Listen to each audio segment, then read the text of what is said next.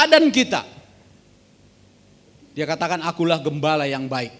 Apa yang kita ikuti? Kalau Paulus adalah bagaimana dia menggembalakan, melayani seseorang itu, jiwa itu begitu dia merindukan. Kalau Indonesia itu katanya terkenal, salah satu keterkenalannya adalah gampang meniru atau cepat meniru. Ya kan? Nah, maka ada KW kan gitu kan? Mau apa pun ada KW-nya gitu. Wah ini ini ini ini uh, ejekan atau apa saya yang tidak tahu gitu. Ada yang asli di sana langsung bisa ditiru.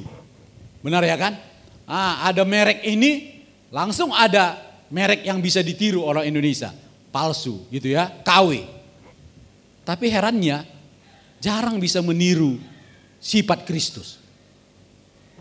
Padahal tadi keunggulan kita adalah suka meniru, ya kan? Penurut itu artinya bahwa kalau kita menjadikan Yesus adalah Tuhan. Jadi inilah karakter yang ditiru oleh Paulus maka dikatakannya kami begitu rindu tidak dapat tahan lagi.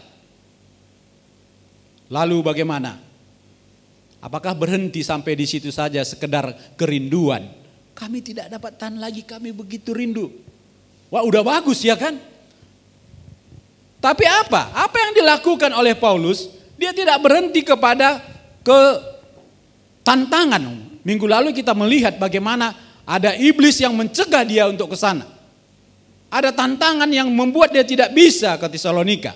Tetapi dia punya akal, punya pikiran yang ditaruh oleh Tuhan. Ya, seperti kancil itu selalu membuka jalan, selalu ingin apa yang bisa dilakukan. Apa yang dilakukan oleh Paulus? Dia katakan ayat 2, lalu kami mengirim siapa? Mengirim Timotius, saudara yang bekerja dengan kami untuk Allah dalam pemberitaan Injil Kristus. Untuk menguatkan hatimu dan menasihatkan kamu tentang iman. Saudara-saudara Paulus rela ditinggalkan di Athena atau di Yunani. Lalu dia mengirim Timotius walaupun Timotius penting bagi dia. Sebagai rekan dia. Tetapi dia rela hatinya itu adalah hati seperti Tuhan tadi. Dia rela mengirim Timotius, bahkan dikatakan di sini, saudara yang bekerja dengan kami. Timotius itu sudah dianggap seperti saudara. Berarti dia mengirim bro, bro Timotius kan itu ya. Padahal Timotius tadi jauh sekali di bawahnya. Secara umur, secara pengalaman, secara karunia, secara iman, kan jauh sekali ya. Tapi di sini dia katakan saya mengirim bro Timotius untuk ke Tesalonika dan dia sudah bekerja dengan kami untuk Allah dalam pemberitaan Injil. Dan tujuannya ke sana adalah apa? Menguatkan hati dan menasihatkan kamu tentang imanmu. Dan ini adalah pekerjaan daripada Bapa di sorga, pekerjaan daripada Tuhan, tapi dikerjakan oleh Timotius Wah ini luar biasa.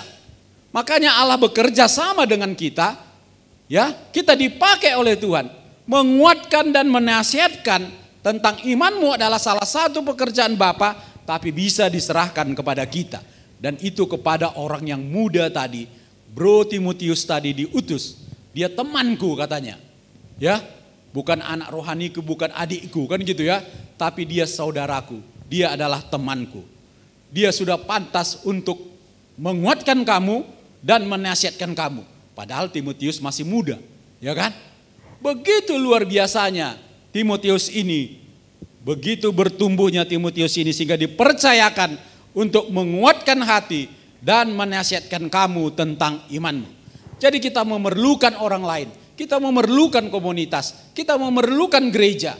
Karena di sini Tesalonika ada orang lain yang menguatkan dia, ada orang lain yang menasihatkan dia. Dan itu diutus Timotius dari Yunani. Ya, tidak berhenti kepada kesusahan, tidak berhenti kepada tantangan. Lalu Timotius mungkin Paulus katakan, apa boleh buat? Kalaupun aku rindu berjumpa dengan kamu, aku ingin sekali. Tapi COVID melanda kita sehingga kita nggak bisa melakukan apa-apa, kan gitu kan? Tapi tidak, aku utus Timotius dan gini katakan ayat 3 tujuannya 2 dan 3 tadi tujuannya menasihatkan dan menguatkan. Supaya jangan ada orang yang apa? Goyang iman. goyang imannya. Jadi iman ini kadang-kadang bisa goyang-goyang ya kan?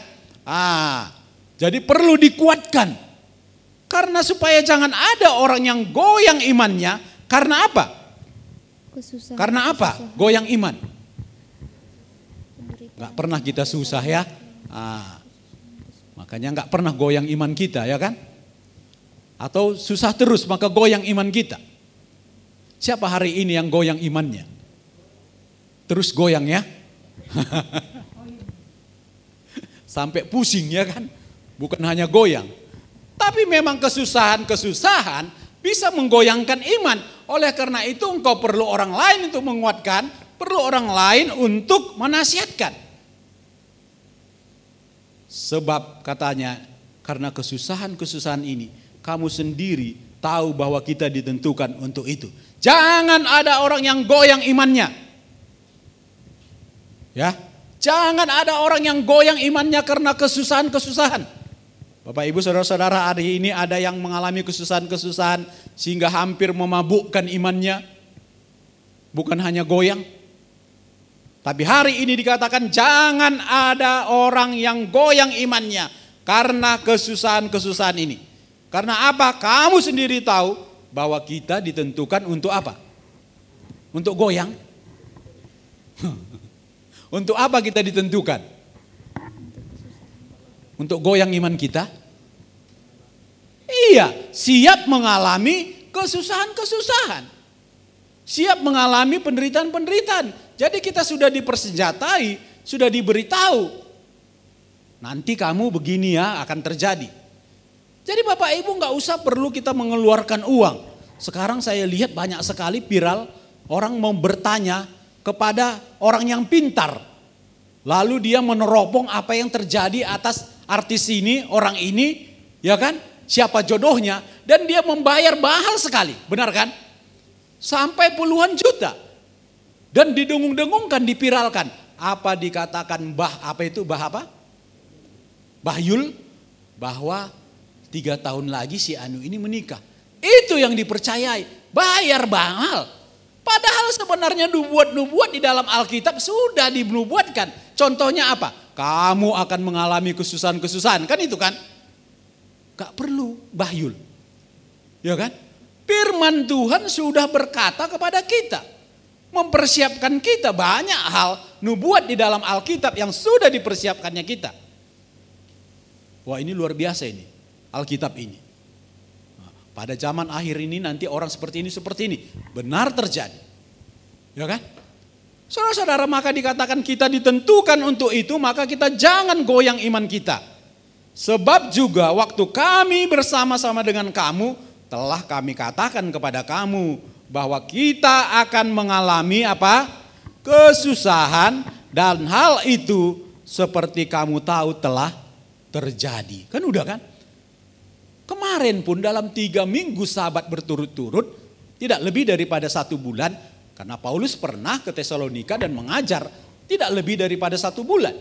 Kan sudah kuajarkan kepadamu bahwa kita harus mempersiapkan diri dengan segala kesusahan, dengan segala penderitaan. Kesusahan hari ini cukuplah sehari. Berarti memang ada kesusahan hari ini. Ada kesusahan besok. Dan kita sudah dipersiapkan. Kan kami juga sudah mengalami ini kan. Bagaimana kami dikejar-kejar, bagaimana kami mau dibunuh sehingga kami harus melarikan diri. Kan sudah terjadi. Jadi jangan goyah ya, jangan goncang ya, biasa itu. Gak usah dipikirkan kali. Kan gitu kira-kira kan. Nah, itu sebabnya maka aku karena tidak dapat tahan lagi telah mengirim dia supaya aku tahu tentang imanmu karena aku khawatir kalau kamu telah dicobai oleh si penggoda dan kalau-kalau usaha kami menjadi sia-sia. Bagaimana kekhawatirannya, kecemasannya tentang jemaat ini begitu dia khawatir karena si penggoda pun terus bekerja, si penggoda tadi si iblis tadi terus menggoda apalagi mereka dalam kesusahan. Jadi waktu kesusahan hati-hati si penggoda terus bekerja. Ya kan? Hmm, waktu kesenangan gak apa-apa ya. Iya, si penggoda terus bekerja. Aku khawatir kamu nanti bisa pula tertarik dengan si penggoda itu. Sia-sialah semua iman yang telah dibangun. Ya, Sia-sialah kunjungan kami dulu. Bagaimana kami sudah memberikan diri kami. Merelakan nyawa kami pun kami rela. Sia-sialah nanti itu kalau kau tertarik dengan si penggoda itu. Kamu bisa dicobai. Ayat 6 luar biasa. Tetapi sekarang setelah Timotius datang kembali dari kamu dan membawa kabar kabar apa? Yang menggembirakan. Kabar yang menggembirakan itu kabar apa? Tentang imanmu dan kasihmu. Uh, tentang imanmu dan kasihmu. Saudara-saudara, kabar apa yang menggembirakan kita? Ya, banyak ya. Ada pernah nggak ini, gitu ya? Ah, kabar tentang iman seseorang, kabar tentang kasih seseorang itu menggembirakan sekali. Tadi begitu luar biasa, satu sampai lima, begitu khawatir, begitu takut, begitu, begitu, begitu. Aduh, bagaimana kami dan bagaimana nanti kamu? Tapi setelah diutus Timotius dan dia kembali, kabar menggembirakan bagi Paulus adalah mendengar apa? Tentang iman dan kasih. Dan bahwa kamu selalu menaruh kenang-kenangan yang baik akan kami. Iman mereka bertahan bertumbuh. Kemudian kasih mereka juga terus bekerja di antara mereka. Dan juga dikatakan yang ketiga di sini apa? Mereka menaruh kenang-kenangan yang baik akan kami. Kira-kira kita menaruh kenang-kenangan yang baik nggak sama teman kita atau kita dikenang yang baik nggak? Perjumpaan yang singkat, tidak satu bulan, tapi menaruh kenang-kenangan yang baik. Maka ini salah satu kegembiraan daripada Paulus mendengar kabar itu tentang iman mereka, tentang kasih mereka, kemudian adalah kenang-kenangan mereka tentang seseorang itu begitu kenangan yang baik. Ya. Coba dulu kenang dulu teman kita dulu. Kita kenang dulu satu orang. Apakah ada kenangan yang baik? Atau kenangan yang menyakitkan? Tapi di sini dikatakannya, kamu menaruh kenang-kenangan yang baik akan kami dan ingin untuk berjumpa dengan kami. Jadi bukan apa? Bukan cinta bertepuk tangan sebelah. Ya, itu balik ya. Seharusnya apa? Hah? Iya bertepuk sebelah tangan ya kan? Bukan hanya Paulus yang rindu bertemu. Tetapi apa? Tetapi jemaat juga rindu bertemu sama pendetanya.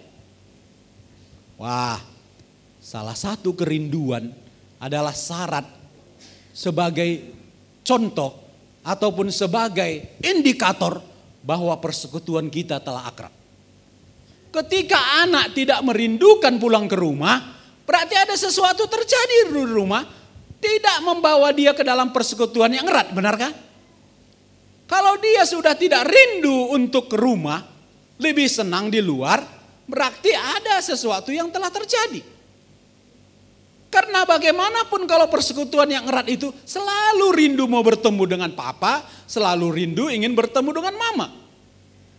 Ketika suami sudah tidak ingin pulang lagi, berarti apa? Berarti dia tidak merindukan ada di rumah.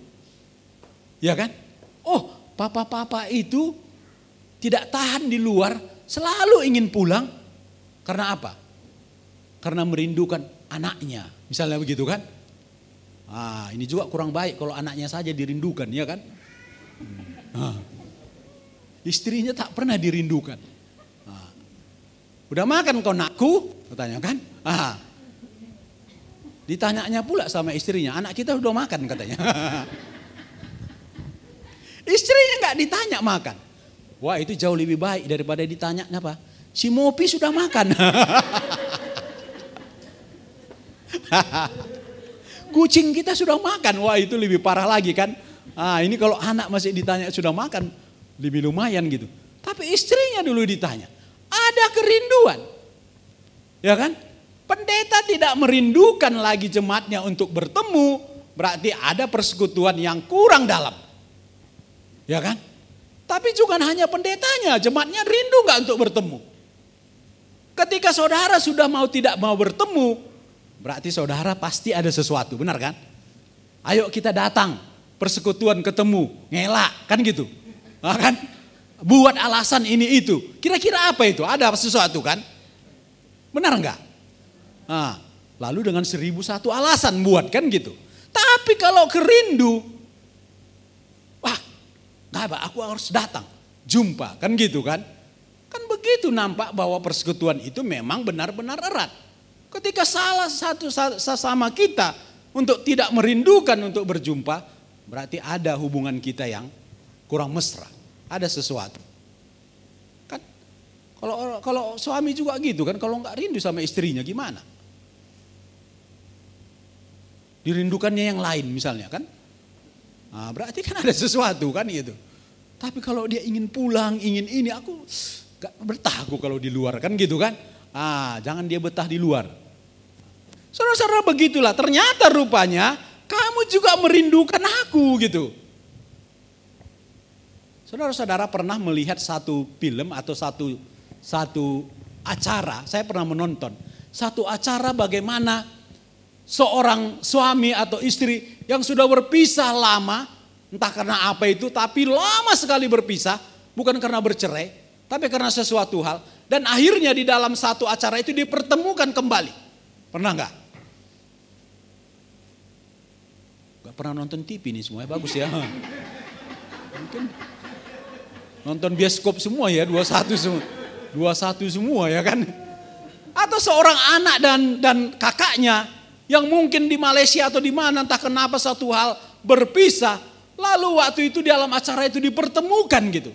Saudara bayangkan bagaimana pertemuan itu. Begitu merindukan.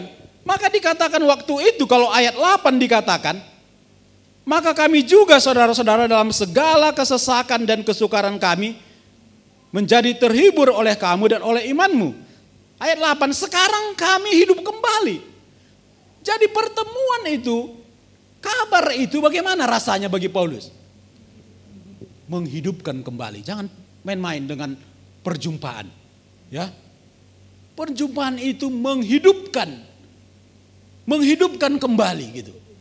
Dan kalau kita melihat acara itu, sepertinya yang baru bertemu itu seperti hidup kembali dan luar biasa. Ya, apanya namanya itu, auranya itu kan gitu. Yang puluhan tahun tidak berjumpa, tapi sekarang berjumpa gitu. Saudara-saudara pertemuan menghidupkan kembali, seperti menghidupkan kembali. Dan menghiburkan sekali. Ayo sering-seringlah berjumpa ya. Hmm.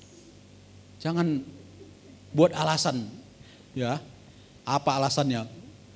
Karena memang berjumpa itu seperti menghidupkan kembali. Kabar yang menggembirakan. Ya, tentang iman dan kasihmu. Dan bagaimana mereka menaruh kenang-kenangan yang baik. Maka kami juga saudara-saudara dalam segala kesesakan dan kesukaran kami. Paulus mengalami kesesakan, kesukaran. Dia bukan bercerita dalam keadaan damai, tenang. Lalu dia berkata, kamu tenang ya karena aku tenang. Kan gitu kan? Karena aku tidak mengalami kesusahan apa-apa. Tapi dia mengalami apa yang dinamakan kesesakan dan kesukaran. Aku mengalami itu. Dan kita sudah dipersiapkan untuk itu. Saudara-saudara, tapi setelah mendengar kabar itu dan bagaimana rindunya pertemuan itu, dia katakan sekarang kami hidup kembali. Semakin kita bisa memasuk ke dalam diri trio ini, Bagaimana waktu itu dia begitu rindu, mengkhawatirkan dan dan dan, dan semualah tentang jemaat ini. Sekarang dia seperti hidup kembali. Ya, luar biasa dekatnya di hatinya jemaat ini. Seperti ibu yang merawati, seperti bapa yang menasihati.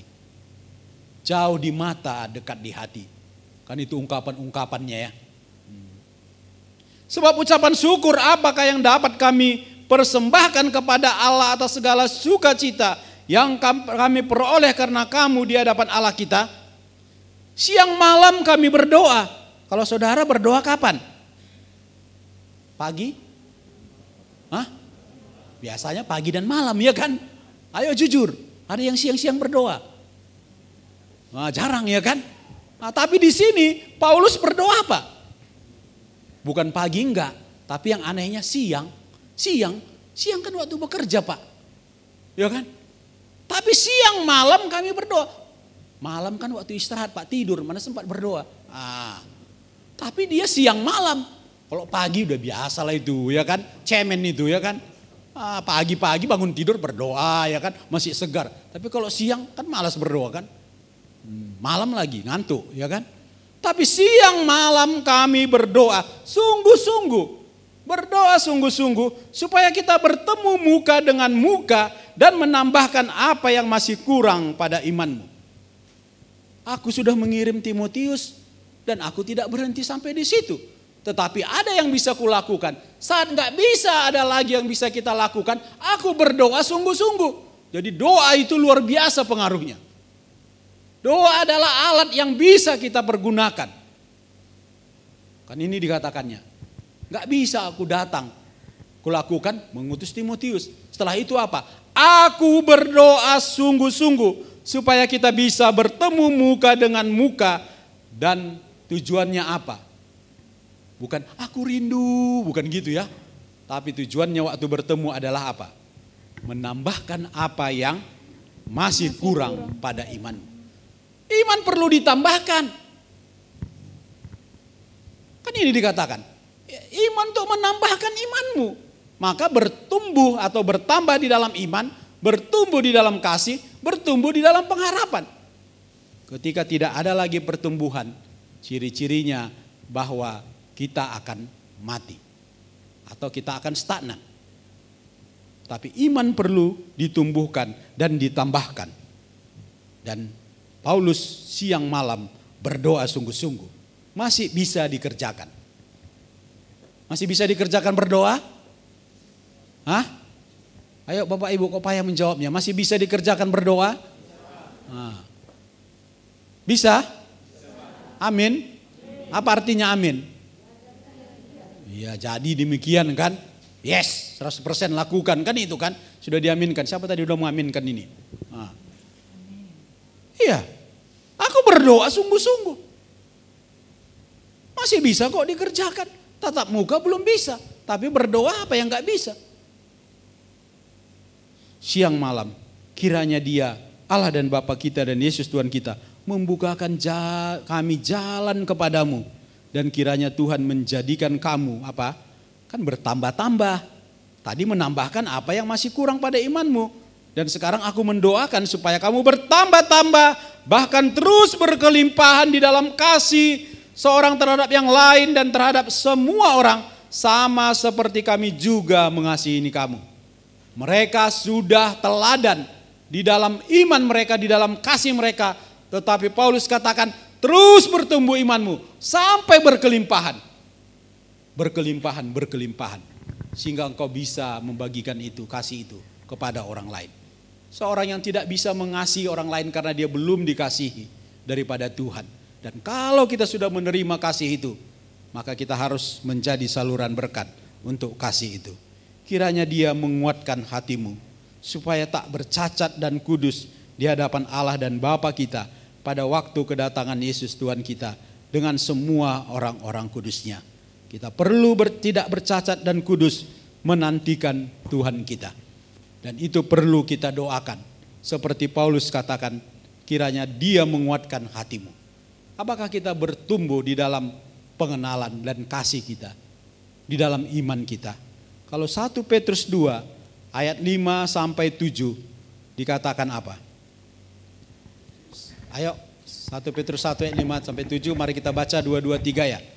Justru, karena, itu, kamu harus dengan sungguh-sungguh berusaha untuk menambahkan kepada imanmu kebajikan dan kepada kebajikan pengetahuan dan kepada pengetahuan penguasaan diri, kepada penguasaan diri ketekunan dan kepada ketekunan kesalehan dan kepada kesalehan kasih akan saudara-saudara dan kepada kasih akan saudara-saudara kasih akan semua orang. Rasul Petrus pun mengatakan bahwa dalam segala hal kita harus bertumbuh dan terus menambahkan.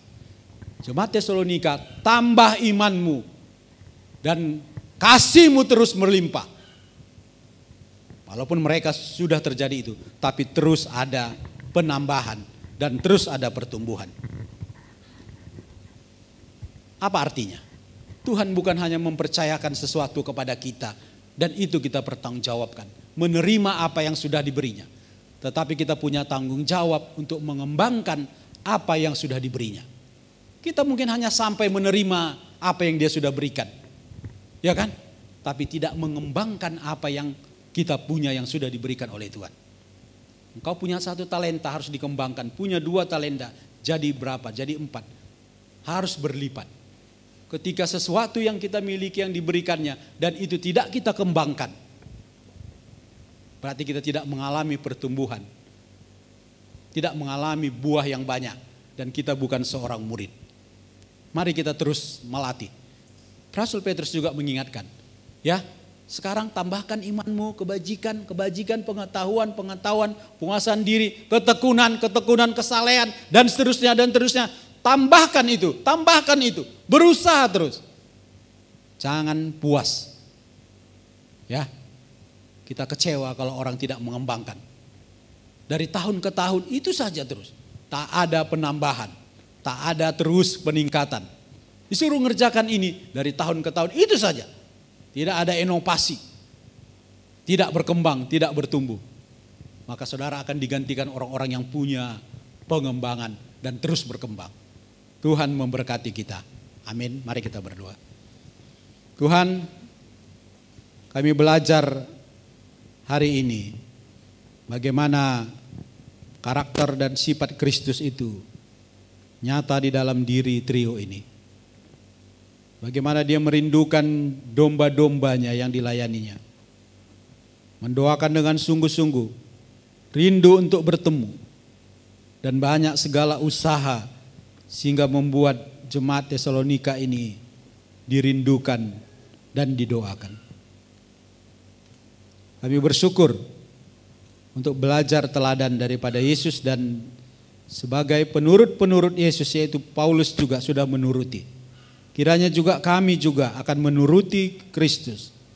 Karena kami disuruh supaya menjadi penurut-penurut engkau, peniru-peniru engkau. Biarlah karakter dan sifat Kristus itu kami tiru dan kami contoh. Terima kasih Tuhan. Kami menjadi punya hati kepada orang lain. Dan juga bisa menguatkan bahkan menambahkan apa yang perlu bagi sesama kami. Terima kasih Tuhan. Kami terus akan terus belajar, belajar dan meningkatkan diri kami di dalam apa yang Kau sudah berikan bagi kami. Kami bukan hanya menerima dengan ucapan syukur apa yang Kau berikan, tetapi kami dilatih juga untuk mengembangkan apa yang sudah Tuhan berikan bagi kami. Sama tanggung jawabannya di hadapan Tuhan. Apa yang kami miliki, kemampuan karunia, apa pun itu yang daripada Tuhan, biarlah kami kembangkan dan kami pergunakan untuk Tuhan. Terpuji termulialah Engkau di dalam nama Yesus. Kami berdoa. Amin.